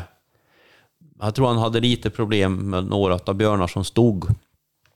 Han hade liksom svårt att, att hantera det här när, liksom när jag tog med han in på ett färdigt ståndskall. Jag gjorde det bland annat på något eftersök här som jag knatade in på då, där det var någon bull och sen var det någon eh, Cooper var det åt Janne då, Bossbror. Boss bror. Eh, som stod, det var ett eftersök vi höll på med också, en hyfsat stor björn, eller ja, 150 eller något sånt där. Eh, och det tyckte han, det orkade han inte med. Och liksom komma in i situationen. Och då blev det ju egentligen helt fel, för han, när jag gick in och skulle försöka avsluta det där då, då liksom går ju han med mig och så när vi står liksom på typ 10 meter då börjar han ju ställa sig och skälla på björnen då. och då säger ju björnen såklart jag och mig också.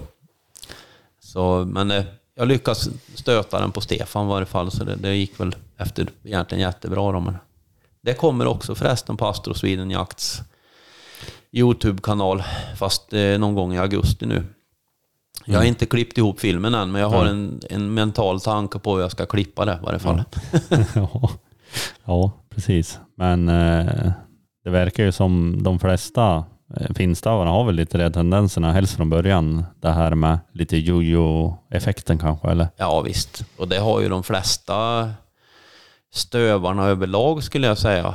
Det, det är en viss tillvänjningsprocess skulle jag uppleva i varje fall. Just det här med, alltså det är ju ett stort rovdjur och som sagt den här så kallade triangeln då, alltså det är ju det största du kan begära utav en hund att stå och skälla på en björn. Eh, och därför tror jag det är en bra idé liksom, det här har vi ju pratat om förr, men att man försöker att skjuta det här ståndskallet egentligen framför sig så länge det bara går. som stövarjägare nu då. Att man, ska man jaga björn så släpp på en mindre björn. Och, och liksom se till att det inte blir de här långa ståndskallen, för det är för jobbigt för en ung hund. Och så i den bästa utav världar, då, då tar de bakspåret och i den sämre utav världar, då vinglar de till det och hittar något annat och så jagar de det istället. Och, och det där har vi också sagt förr, eller jag, med flera med mig för övrigt, att när en hund har kommit på det här att när det börjar bli jobbigt, då gör man en, Eh, en snurr på 300-400 meter och så hittar man något annat och så jagar man det. När de liksom kommer på det här att det är så här man kan göra för att komma ur ett problem, då har man ett problem. Jag vet att jag hade det för länge sedan i varje fall. Eh, utan det, tar, det där tar tid, det tar år att jobba bort ett sånt beteende. Liksom att få hunden att fatta att liksom det, det, det är inte acceptabelt att hitta, andra, hitta på andra saker. Och en del kan du aldrig liksom få ren helt, utan du får ju liksom eh, bara lära dig när hunden liksom börjar på att tycka det är jobbigt att leta andra saker. Ursäkter kan man kalla det. Och då får man vara... Ja, jag, som sagt, den filmen släppte jag i höstas, men det finns ju inte med riktigt tror jag där. Eh, det är lite synd faktiskt, för Tracker har ju nämligen gjort så att de har... Förut så kunde man ju hämta alla gamla spår. Och då kunde man plocka in dem i filmen, vilket jag tyckte var jävligt kul. Eh, men sen nu så sparas ju bara tre månader. Så det innebär att när jag ska sätta mig och göra en film om ett, någonting som är lite äldre än det, alltså som hände för något, ett halvår sedan eller någonting, ja, då hittar jag då kan inte jag få fram det materialet. Och då blir det liksom lite, det sitter, blir ju att sitta och ljuga ihop en berättelse om man ska liksom försöka ta en karta och rita ut hur jakten gick till. Snarare än att man liksom kan plocka ut det bara som en, en filmfil och sen lägga in det liksom allt eftersom. Det tycker jag är synd.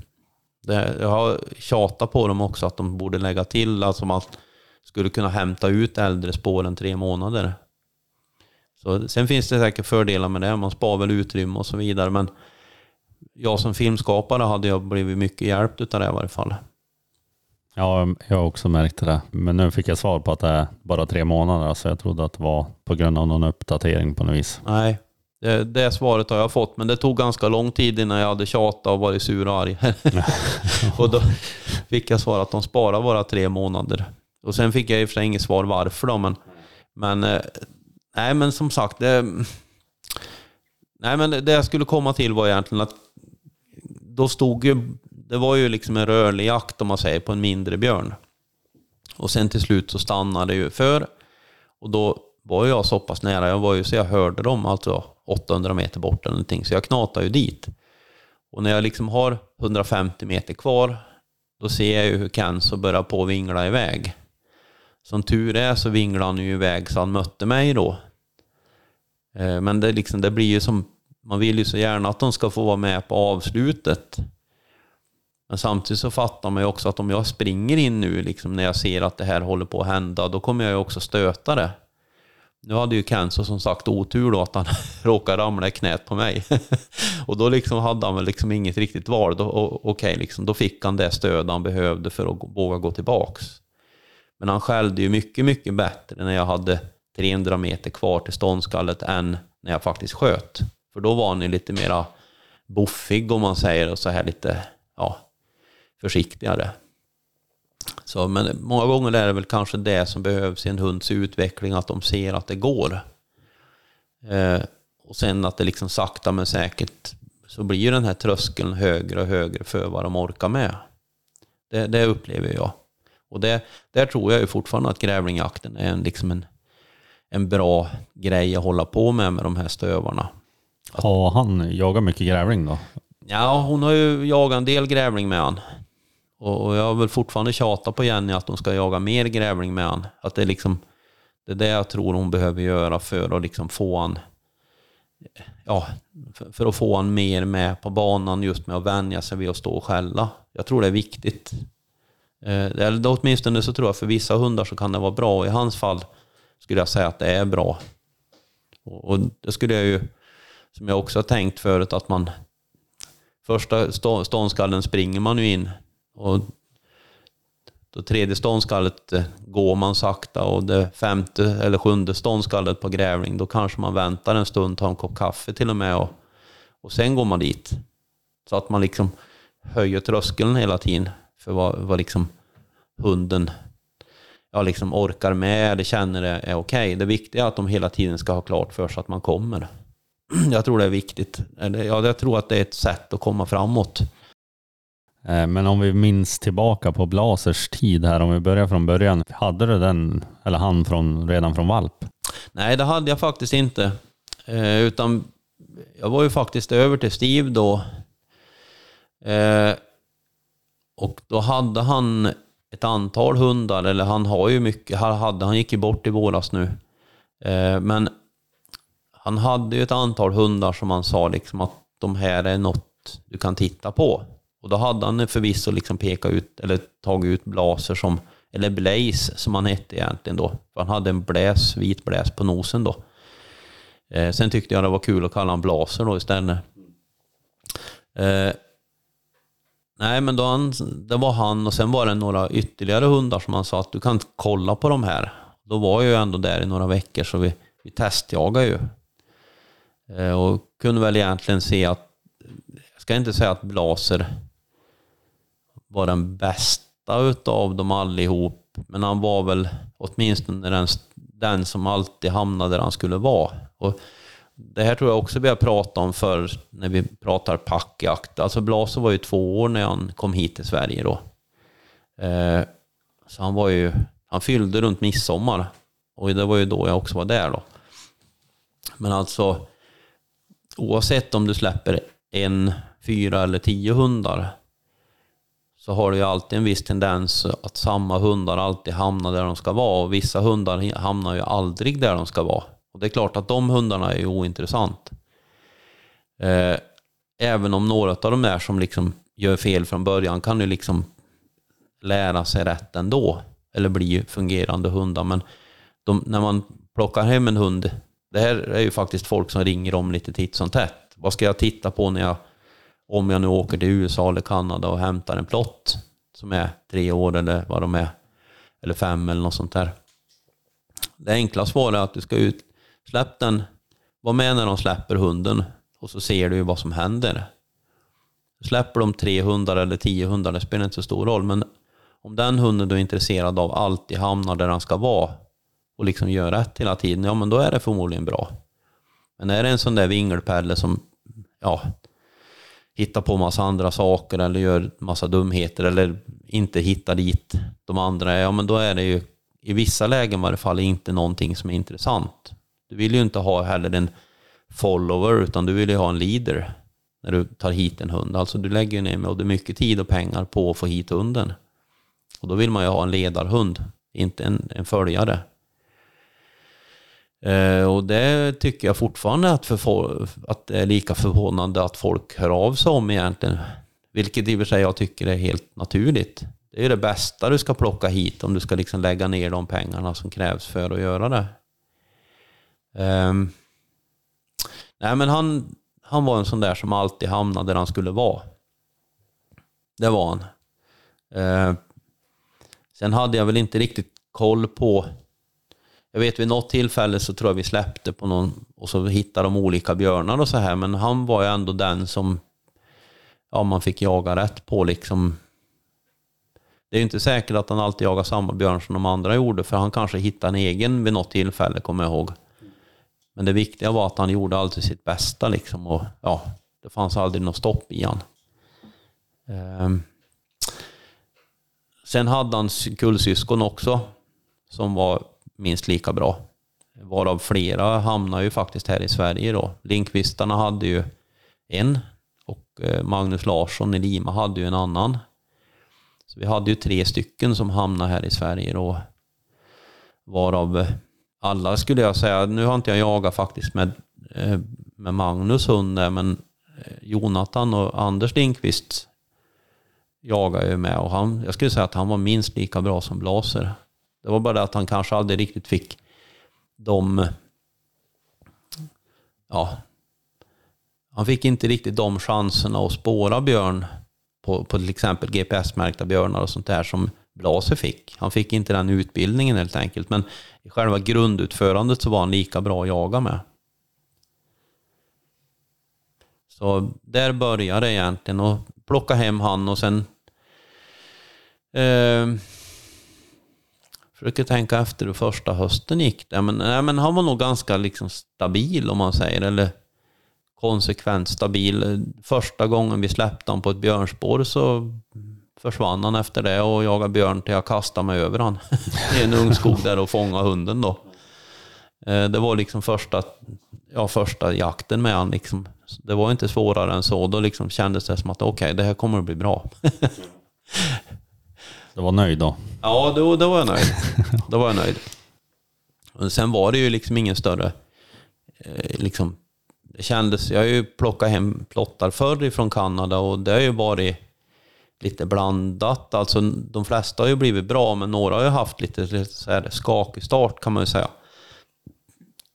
Men eh, det upplevde jag aldrig med Blas, utan det var ju på något sätt liksom bara att det gick från... Ja, det, var, det där var någonting som man alltid hade gjort typ. Så det var ganska lätt med honom att, jaga björn. Lite för lätt nästan. Eller det ska jag inte säga, men alltså man blir ju så... Ibland har man ju varit på platser där det liksom, vi har ju provat diverse hundar och det har bara blivit skit av allting.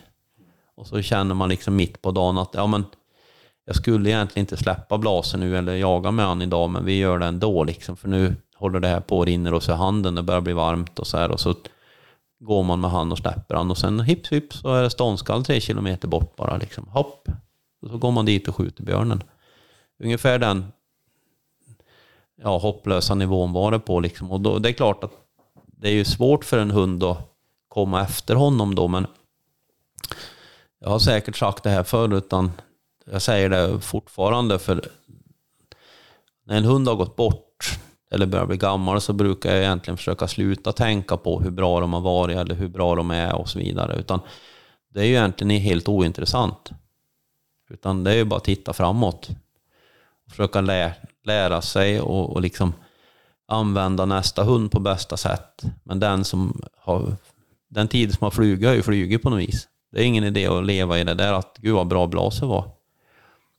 Eh, alltså, det är klart såklart kul att minnas det, men det är liksom ingen idé att... Jag har ju kompisar som har fastnat i den där jättebra hunden de har haft och sen liksom aldrig efter det kommit tillbaks för att de kommer ihåg hur bra den var och så jämfört allting med det. Och det är väl det jag försöker liksom att låta, försöker åtminstone låta bli att fastna i, för det finns liksom ingen vinst i det. Utan det är bara att tänka framåt. Hur gör jag för att få den här hunden jag har nu så bra som möjligt? Om vi tänker tillbaka här på Blaser som kanske känns lite bättre då. Jagade han några andra djur då än just björnar som vi säger? Vart det något snedsteg där på något hjortdjur eller något sånt som han inte borde ha gjort då? Ja, nej, han jagade en räv åt mig en gång. Eh, jag vet faktiskt fortfarande inte riktigt hur det gick till, men jag var, det var en träning var det på hösten då. Och då hade jag faktiskt en hund här på, ja, på prov kan man säga. Jag skulle prova den där hunden, det var en plottik var det. Som eventuellt skulle paras med. Grejen är att hon var nog ganska så känslig, alltså hon hade nog behövt sin förare här. Eh, för jag skulle väl egentligen utvärdera om jag tyckte det var någon idé att para med henne alls då. Eh, av det jag såg när hon var här så så var hon fantastiskt dålig. hon gjorde bara massa felbeslut hela tiden. Eh, och jag vet ju att de har skjutit en del björn för henne. Men jag tror att det, det liksom gick inget bra när inte han, ägaren, var med. Jag tror det var det som gjorde att de var lite förlorade i det. Eh, och då vet jag en gång hon var ute där. Vi hade haft en björn på natten där i någon slackgrop och så var jag där och släppte henne och det vart, hon for och vinglade runt där och hoa på liksom och hittade inte ut helt enkelt. Alltså hon var någon kilometer iväg och sådär men hon, det vart ingenting. Och till slut så tänkte jag att ja, men jag provar att släppa blaser. Och då tog han faktiskt hennes spår och tuffade på då. Eh, där hon hade varit och vänt då någon kilometer bort. Så jag tänkte att ja men kanske björnen var där. Och sen tuffade han på vidare och så vart det ju jakt fullt drev över något berg. Över en grusväg som jag för övrigt bara hade hundspår efter, eller över. Vilket gjorde mig lite fundersam. Och så vart det ståndskallen ytterligare en kilometer bort där. Och så gick jag ju dit såklart och då stod han ju helt jävla i extas där och grävde ett eh, gryt. och då var, ja, vi var väl inte helt nöjda med varandra då. Han tyckte att han hade gjort alla rätt och jag tyckte väl inte jag. Så, men det, jag, sa väl, in- jag skällde väl ut honom helt enkelt och frågade vad fan han höll på med. Eh, och det var väl... Eh, sånt här har ju en tendens att blekna, men just den, eh, just när han gör fel. Men just den gången kommer jag ihåg att då gjorde han fel i varje fall och då jagade han räv. Eh, sen har jag inget direkt minne av att han har jagat något klövdjur åt mig. Det har han inte. Eh, jag försöker tänka efter om han har jagat järv åt mig någon gång, men jag tror inte det. Jag kan inte, ja, men rävjakten där minns jag starkt i varje fall, för det var liksom en sån där grej som jag var jävligt besviken sen den dagen. Den dagen var väl inte så bra, tror jag, för mig. jag var lite sur. Ja. Men markerade han björnspår endast alltså i tidigt skede också? Bara björnspår? Som Han, han, han markerade bara björnspår från den dag han kom hit. Det var liksom det enda som fanns i hans eh, tankesätt. Och jag, jag tror att den kullen var nog så överlag. Alltså det var egentligen bara björn som existerade för dem i deras hjärna. Och det tycker jag fortfarande är ganska intressant, liksom just hur mycket aveln verkar kunna göra. Liksom. En, en konsekvent styrd avel. Eh, det känns som det att det, det var nog det enda som existerade i hans syskon också. Liksom. Det var björnjakt. Det var det man gjorde. Jo. Så nej, men han markerar bara bra. Och sen i mitt fall så, så handlar det ju om såklart att förfina det här då liksom. Och, men egentligen var han ju otroligt enkel att jobba med för det, egentligen det enda han tänkte på var ju Björn. Så jag behövde liksom nästan aldrig fundera på om det var något annat han höll på med eller funderade på, utan det var bara så. Men eh, när var han som bäst? Hur gammal var han då? då? När du liksom kände att nu är, ja så här i efterhand. Ja, men det var som alla andra hundar, mellan fem och sju. Det är när de har liksom styrkan och orken och, och viljan och allt är på plats. Liksom. Sen, sen blir ju han ganska illa skadad ganska direkt. Jag kommer inte ihåg om han var om han var tre kanske. Åren har ju en tendens att flyta ihop, men ganska tidigt skede så blev han ju tillräckligt skadad när jag var i Norge till exempel på någon sån här skadefällning på någon björn i något häng där. Då vart han ju riven. Som tur är så bara så att det gick hål in till alltså buk, buken då, men inte så att magen gick sönder, eller gick hål på den. Och det var ju lite mycket sådana där händelser med honom som ofta liksom kunde ha ja, tagit livet av honom lika väl som att han klarade sig tio sådana sekvenser kommer jag ihåg i varje fall där han liksom var nära döden då, eller kunde lika gärna, jag menar, den björnen som vi höll på med då till exempel, hade han bara fått in klon lite djupare så hade han väl punkterat buken.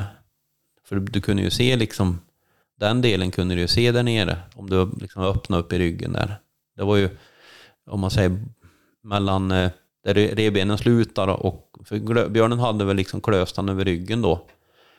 Och precis där revbenen slutade hade väl liksom björnen fått lite mer tag. Och där var det ju som en glipa liksom. Och sen, det här tror jag vet när det hände och sen jagade han ju björnen ytterligare några timmar då. Dessutom genom hängnet också för övrigt. Så, men eh, som sagt, redan då på den tiden kunde man ju se att ja, det, det här ser bra ut. ja. Lite dubbla känslor då. Det är lite som att ha en tysk terrier som man ser att frågan är hur länge det här kommer gå bra. Men när det går bra går det jävligt bra. Ja, ungefär så. ungefär så. Men sen, eh, så han kanske var ju, du vet han var ju bara sex år eller någonting när jag liksom började aktivt sluta och släppa han. Så hans liksom jakttillfällen blev ganska få egentligen. Utan det var ju liksom när vi började få i dem, ja, få in de här andra hundarna som vi körde med istället då för att ja, växla i, eller för att avlasta han helt enkelt, för att hålla livet, hålla han i liv kan man säga. Hans spårningsförmåga var ganska värdefull med andra ord. Ja, och det, den är ju extremt värdefull och det ser jag ju i Bull också. Som är ju en annan hund att spåra med än Blaser fast lika bra. Eh, däremot så skulle jag säga att han är Bull är stökigare att spåra med än vad Blaser var.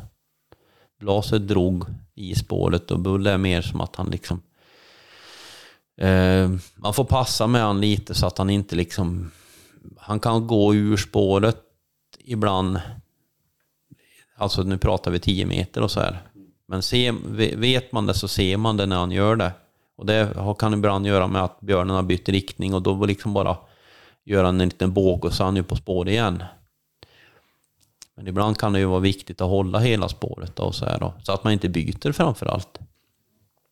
Men eh, han är lika bra att ta lika gamla spår som Blaser egentligen, det gör Bull också. Och det, just den är, förmågan är ju så extremt viktig, för det är ju det som gör att du hittar björnarna. Det, det är ju egentligen inget annat, just det här faktum att du har en hund som tar gamla spår och bara spårar björnen. Det, det är ju det som gör att du hittar dem. Eller det är ju det som gör att du hittar många björnar, inte bara någon ibland. Men tänk så här nu när du har eh, otroligt stor erfarenhet gentemot övriga Sverige egentligen, eller många andra, och spåra björn, liksom, kan du handspåra? Alltså lär du se terrängen att här har en björn gått om det, det kan vara väldigt svårt att se avtryck och Ja, fast jag har ju blivit bättre på det, men jag skulle fortfarande inte säga att jag hade kommit speciellt långt utan en spårhund. Eh, jag har ju provat såklart ibland, men det, problemet uppstår ju när man är i ett område där det är gott om björn. För då kan du ju ha liksom gamla... Ja, då kan man ju liksom stå och titta ut över en myr och så, så ja okej, okay, här har björnen fortsatt, liksom, tänker man. Det har hänt mig mer än en gång. Och så går man liksom dit med hunden och han markerar dåligt, ingenting alls. Ja, och sen går vi tio meter till höger liksom. Ja, då, där ser man pang liksom. Där har ju björnen gått. Ja. så det här, jag skulle inte säga att jag har blivit bättre på handspåra, eller lite bättre har jag blivit såklart. Och tyda tecknen på det. Eh, men jag, ja. Jag skulle inte säga att jag kommer att klara mig utan en hund, nej tyvärr. nej, de måste kanske åka till Afrika, de verkar vara helt... De, de här Afrikajakterna ser man ju att de spåren är väldigt sjuk. Ja, men jag tror det handlar egentligen om ett mindset. Att mm. man liksom... Man ser ju det många gånger om det är åtminstone en lite större björn så kan du ju långa, långa sträckor spåra björnen utan... Alltså du ser ju liksom hela tiden att du är på rätt spår. Mm. Du behöver liksom aldrig tveka på, även om hunden går i spåret så ser du liksom, ja, spår, liksom det är draget i blåbärsriset till och med och nedtrampat och så här. Eh, så det är klart att det har man ju blivit lite bättre på så här, men jag skulle fortfarande inte säga att jag... Ja, jag har nog inte riktigt fastnat för... Jag är inte intresserad av att göra det på det sättet helt enkelt. Nej. Så därför har jag inte engagerat mig så hårt i det. Men jag ser att hade man gjort det så hade man nog kunnat komma en bit, bra bit på väg genom att liksom bara jobba med ögonen. Det tror jag. Men det är, det är väl något grässtrån som kan vända sig på något vis också eller? Ja, men det är väl att man drar gräset som vi brukar kalla det och många gånger handlar det om riktningen då, att du ser att, och så ser du ju, du ser ju ganska mycket egentligen på, alltså, det kan ju vara otroligt svårt att se hur stor en björn är när du spårar den. Eh, men du ser ju, de, steglängden ser du ju så gott som aldrig riktigt på hur stor björnen är. Men däremot så blir ju bredare, ju större han är desto bredare i bringan blir han. Och då blir det ju också bredare löpa, alltså bredare spår efter en stor björn än en mindre björn. Och det kan man ju se i gräset, till exempel i det här lite högre gräset. Samma gräs som för övrigt brukar fastna i stövarögonen. Ja. Det gräset ser man ju i regel liksom att det är nedtrampat eller draget åt ett visst håll, att man liksom är på rätt spår. Ja, men om vi går tillbaka till den här minnesbanken då, kan du berätta berätta den mest minnesvärda jakten med blaser här? Ja, det var inte så lätt. på något sätt så var ju de flesta, eller många jakter var ju ganska minnesvärda med han för att det var så lätt allting. Alltså, man behövde aldrig fundera på om man skulle få upp björnen egentligen, utan det var ju bara att låta han tugga på och så kommer han ju ikapp liksom. Eh, vad skulle det vara? Ja, jag vet inte om det var så speciellt, men vi, det som jag tycker var kanske en sån där jakt som jag vet var ändå lite häftig, det var ju när vi var runt Hassela där för ett antal år sedan. Det var ju i och för sig en stor björn och så här, men det som var lite häftigt var väl kanske att vi var nog den björnen på spåret dagen före. Problemet var bara att vi tappade i en by. Alltså vi hade spåret in i byn. Och sen när vi kom till en stor vall som de slog just då. Jag tror att björnen har varit på den där gräsvallen och gått lite. Det var sån där klöver, eller vad det heter. Och medan vi var där och gick och spårade, vi hade ju spåret dit. Och jag tror att björnen har gått ner på vallen där och sen har han gått upp i vägen igen. Och jag vet inte varför vi tappade just där och det är fortfarande det är en sån där sak som stör mig än idag. Att jag vet inte varför vi hade spåret genom byn och den har ju liksom gått bland hus och gårdar. Det jag tror att den är, den här är käka äpplen. Så jag tror att den helt enkelt gick och kryssade lite mellan de här gamla gårdarna och sånt här för att hitta äpplen. Sen slutade det med att vi, vi tappade spåret och sen var vi och kollade på ett ställe där det var en gammal trädgård med hus som var borta och där hade det varit och käka äpplen. Men det vart som att vi aldrig lyckades komma någon vart. Och det är ju problemet är många gånger att det här drar ut på tiden så in i helvete så till slut så är det eftermiddag och ja, man vet liksom, är det någon idé att släppa en hund längre när det liksom är en timme kvar av, av lovet så att säga, den tid man får skjuta. Men så var vi ju dit nästa dag och letade igen och då hittade vi ju spår. Och det slutade med att jag sköt den där björnen för eh, det var ju blaser och sedermera var det ju lynx också som var med på den då. Eh, den här björnen tror jag de faktiskt påstod, de brukar kalla den där Jorispelle då, för Joris heter platsen där, den byn då, som ligger mellan typ Stöde och Hassela eller något sånt där. Eh, eller, ja, det tror jag. Det är en liten by där i varje fall. Mm. Eh, och jag tror inte att de har haft någon mer björn som har liksom varit så stor som har knatat runt och ätit äpplen efter det. Efter vad jag hörde för något år sedan i varje fall. Och det var ju en minnesvärd jakt för att den kanske... Den började ju som en normal björnjakt på en stor björn, just att det var ståndskall i upptaget. Och sen när jag hade faktiskt 50 meter kvar så gick det loss. Och sen märkte den väl att det var passkyttar med och så här. Och, alltså den var lite oroligare. Men det, ja, jag sköt den nu i varje fall. Men det var ändå en sån där, ja men skulle jag säga mera typisk blaserjakt egentligen. Allting gick så jävla lätt med han. Mm. det var det var mycket sådana jakter som var liksom så enkla liksom. Och kanske det häftigaste var när jag var i Norge och vi skulle, och det var ju ändå 20 timmar gammalt det spåret. De hade skjutit på någon björn uppe i något fjäll där och eh, ja, ungefär 8 kilometer fågelvägen därifrån hittade han björnen i varje fall. Han spårade över Kalfjäll och ner i nästa dalgång och där hittade han ju björnen. Sen hade vi den största uppgiften, eller största showet då, det var ju att få tag i hunden då. Hur vi kunde inte konstatera att det var något fel på björnen. Jag var inne ganska många gånger och gjorde stötningar och se om den anföll och så här. För det, det var ju i och för sig ett myndighetsuppdrag då, där vi skulle avgöra om björnen utgjorde en fara för allmänheten eller inte. Eftersom den var påskjuten och det var faktiskt blod från början då. Eh, men det var ju bara första hundra metrarna. Och jag skulle säga att med största sannolikhet så var det en träff långt fram i bröstmuskulaturen, alltså det är muskeln fram. Eh, sen hittar vi aldrig något blod efter det. Och det här är ju en sån här normal grej, man, åtminstone jag brukar göra då när man gör en sån här grej. Det är att man går in stenhårt på ståndskallen bara och så anfaller de så skjuter man dem. Eh, för det, då är det nästan alltid något fel på dem. Men däremot om man går in liksom, nu gick ju in säkert fyra eller fem eller sex gånger hårt, eller liksom rakt på bara så att björnen ser den. Och då kan de ju själv göra ett aktivt val, liksom om de går emot eller inte. Men det gjorde den inte, utan den sprang för livet varje gång. Men det var väl en sån där minnesvärd grej. Det slutade ju inte med en fältbjörn, men det var ju liksom, jag kommer ihåg den liksom, att till slut så fick vi ge upp liksom, låta hundjäveln stå själv över natten då, så åkte vi och la oss i en stuga då, fick leta rätt på en dagen efter då. Och då hade han väl lagt sig och sovit och orkade inte längre, helt enkelt. Så, ja men det är väl ett av de där grejerna jag minns med han, liksom hur, hur lätt allting har varit. Det har aldrig varit en tvekan om att han skulle ja, göra rätt för sig. Nej, men det kan ju vara speciellt att jaga i de norska fjällen också. Jag tänker att naturen är ganska eh, iögonfallande där. Ja, ja men verkligen. Nej men det var superhäftigt var det. det men hela grejen var väl kul där. Vi vart eh, uppflugna med helikopter uppe i fjällen där och sådär. Så det var ju co- coolt som fan, heter det väl. Ja. Men, men har du inte liksom vant dig vid att åka helikopter nu? Eller är det lika häftigt varje gång? Ja men än så länge så är det ju det.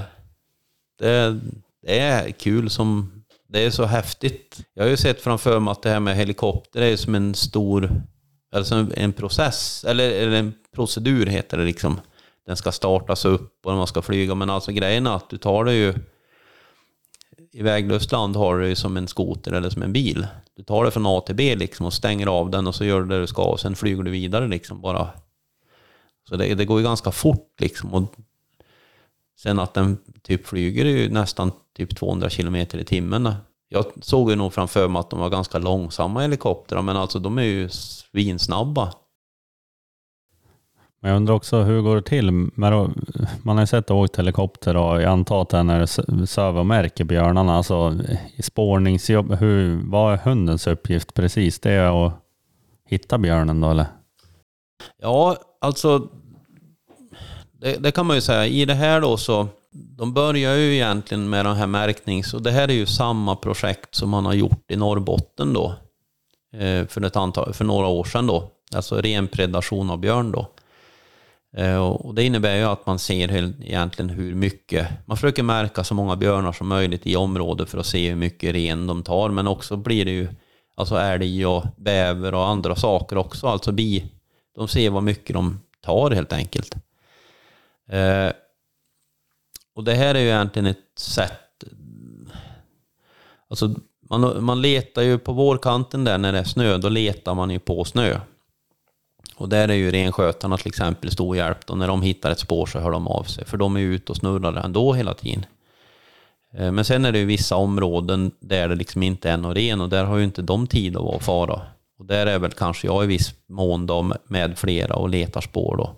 Med skoter och så vidare. Eh, men sen har man ju ett annat sätt att hitta björn på. Det är att man, man lägger ju åtlar helt enkelt på platser där man liksom tänker att ja, men här, hade vi, här borde det finnas en björn eller flera och den, vi vill märka de här. Eh, och det är ju egentligen att man sätter en ren där till exempel och sen sätter man en kamera. Eh, och så ja, sen väntar man på att det händer någonting. Så många gånger kan det ju bli liksom att då ringer de från, ja, Ole Gunnar där från Ole- Björnprojektet och ringer klockan 04 eller 010 på kvällen eller när som helst och bara ja men nu har vi en björn här och den ser inte ut att ha halsband på sig så kan du. Eh, och det som är, brukar ju vara kanske att i början där i april då, då är det ju snö bitvis då. Men det som ofta, nästan alltid blir det att det hamnar ju ner i de här dalgångarna där det är barmark. Och där måste du ha hunden då. Och då brukar det alltid bli att man eh, man spårar med hunden helt enkelt och, och så har man en helt vanlig Garmin på. Eftersom det är så dålig täckning där uppe mycket av så har vi ju både och då. Vi kör med tracker och Garmin. Och så har de ju i helikoptern såklart en sån likadan. Och så går man och spårar. Och sen när man har stött björnen, då säger man till att okej, nu har jag stött björnen. Så före det så brukar de ofta stå standby med helikoptern och vänta på att man stöter då. Och det här kan ju ta allt ifrån en timme till sju timmar. Så då får de ju stå där och vänta liksom och dricka kaffe de också då. Till man säger att nu, nu är det dags. Eh, och ibland så har man ju inte ens varit säker på om man har stött förrän man hittar någon färsk björnskit som är varm liksom. Och då vet man, okej, nu. Eh, och sen beror det lite på vart man är om man är i ett område där det liksom inte finns någon ren och, och saker som blir störda då, då, då kan man ju släppa hunden för det har vi tillstånd för. Så vi får ju släppa hunden på spår. Eh, och om man är i ett område som inte är direkt lämpligt att släppa då, då får man ju gå och banda liksom. Och så får, får man ju liksom, ja då får de flyga desto mer istället.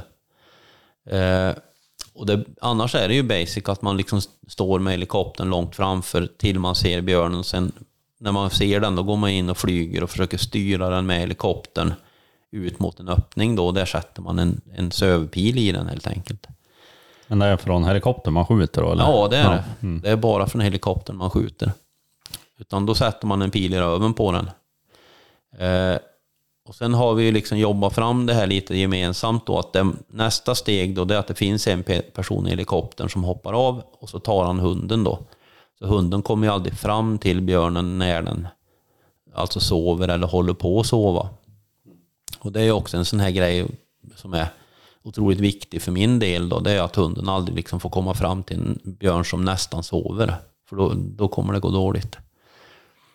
Utan det blir ju nästan som en skadad björn. Liksom när de är fram och nyper i dem så, så liksom, då vaknar de till. Så det är inte helt riskfritt det här med andra ord. Nej, det är det inte. Eh, Och dessutom kan det ju vara så att det, det märks ju otroligt väl om det är en björn som har varit märkt sedan tidigare. För de är extremt osugna på att bli märkta igen. De vet vad en helikopter är. De kan ju liksom stå och ja, alltså klättra träd rent av för att liksom slå efter helikoptern och så här. Så de kan ju vara alltså riktigt jävla förbannade på helikoptern. Eh, så i vissa lägen så de har ju också fått bryt, avbrutit märkningsförsök helt enkelt för att björnen är så aggressiv emot helikoptern och, och liksom vägrar. För det, det är normalt det du behöver göra liksom på en... Du får inte sätta skottet normalt framifrån då, för då riskerar du att sätta in skott om man säger eh, mellan bogen. Alltså det kan gå in i lungan helt enkelt, pilen då. Så du sätter den bakifrån. Är det en stor björn så går det bra ändå, men är det en mindre björn så kan du inte göra det. Har jag fått lärt mig då. Det här är ingenting som jag egentligen har koll på, men man, man snappar ju upp en del när man är med. Så, så nästan alltid försöker du liksom sätta björnen i rörelse och, och liksom så att den springer ifrån dig och sen går du in och så sätter du pilen i rumpan på den typ då. Eh, Och sen somnar de på någon, några minuter ungefär så sover de då. Och sen sover de ju till du ger dem ett antidot eller alltså uppvakningsmedel igen då. Men är det nå, har du varit med om några väldigt stora björnar? Nej, alltså det har inte varit så där historiskt stora björnar där uppe, men alltså uppåt 170-180 sådär. Eh, och Det var ju en sån där grej som jag vet att flera tror ju liksom att just den här märkningsgrejen är jättebra och träna, alltså för unghundar och så här. Jag skulle säga att jag skulle inte tänka tanken att ta med en ung hund i något sånt där. För eh, vi hade faktiskt en grej, alltså som jag sa, de här björnarna som har varit märkt sedan tidigare. Och det kan ju vara till exempel en björn som är märkt sedan tidigare som har tappat halsbandet till exempel. Och det vet man ju inte från början då.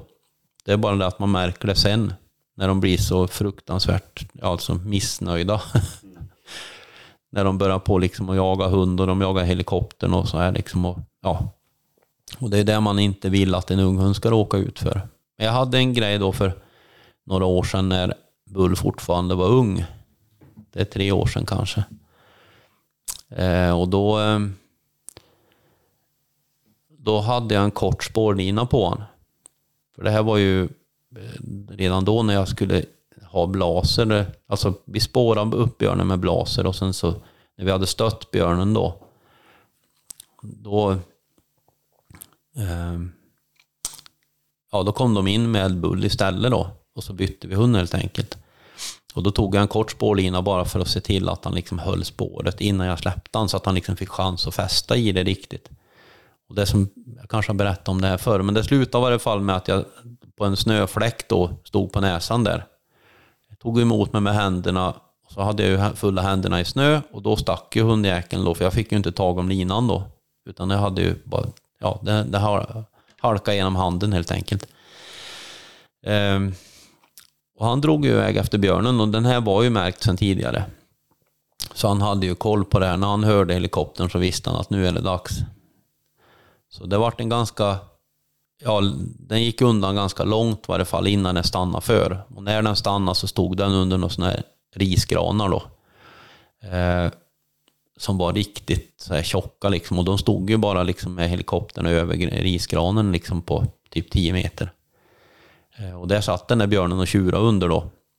Eh, och sen vet ju alla som har varit i närheten av en helikopter att det blir ju en jäkla liksom, luftturbulens inunder. Det ruskar och det flyger och far. Och.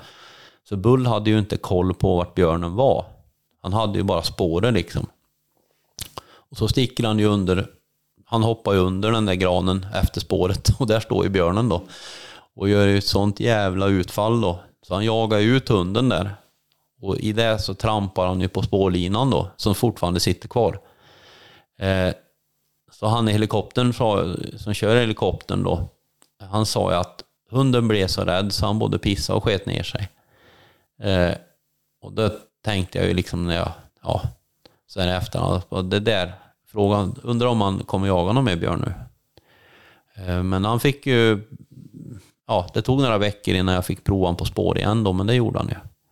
Så, men det, det skulle jag säga att det skulle förmodligen kunna vara just den skrämselfaktorn när de liksom sitter fast typ i björnen då. Det tror jag inte är bra. Så det, det är många gånger så jag skulle aldrig tänka tanken annat än att släppa en färdig hund om man säger på de här märkningsprojektet då. För risken är stor att de blir skrämda för livet. Jag tror inte, jag tror det är ganska många hundar som hade liksom blivit rätt skeptiska till att jaga björn efter en sån här grej. Där de liksom sitter fast i björnen typ. Och inte tar sig därifrån.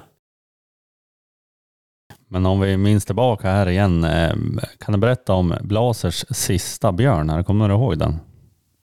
Det här var del ett av vår serie med Rasmus. Del två finns redan nu på Patreon. Vi vill tacka alla som lyssnar. Hoppas att ni gillar det vi gör och vi hörs snart igen.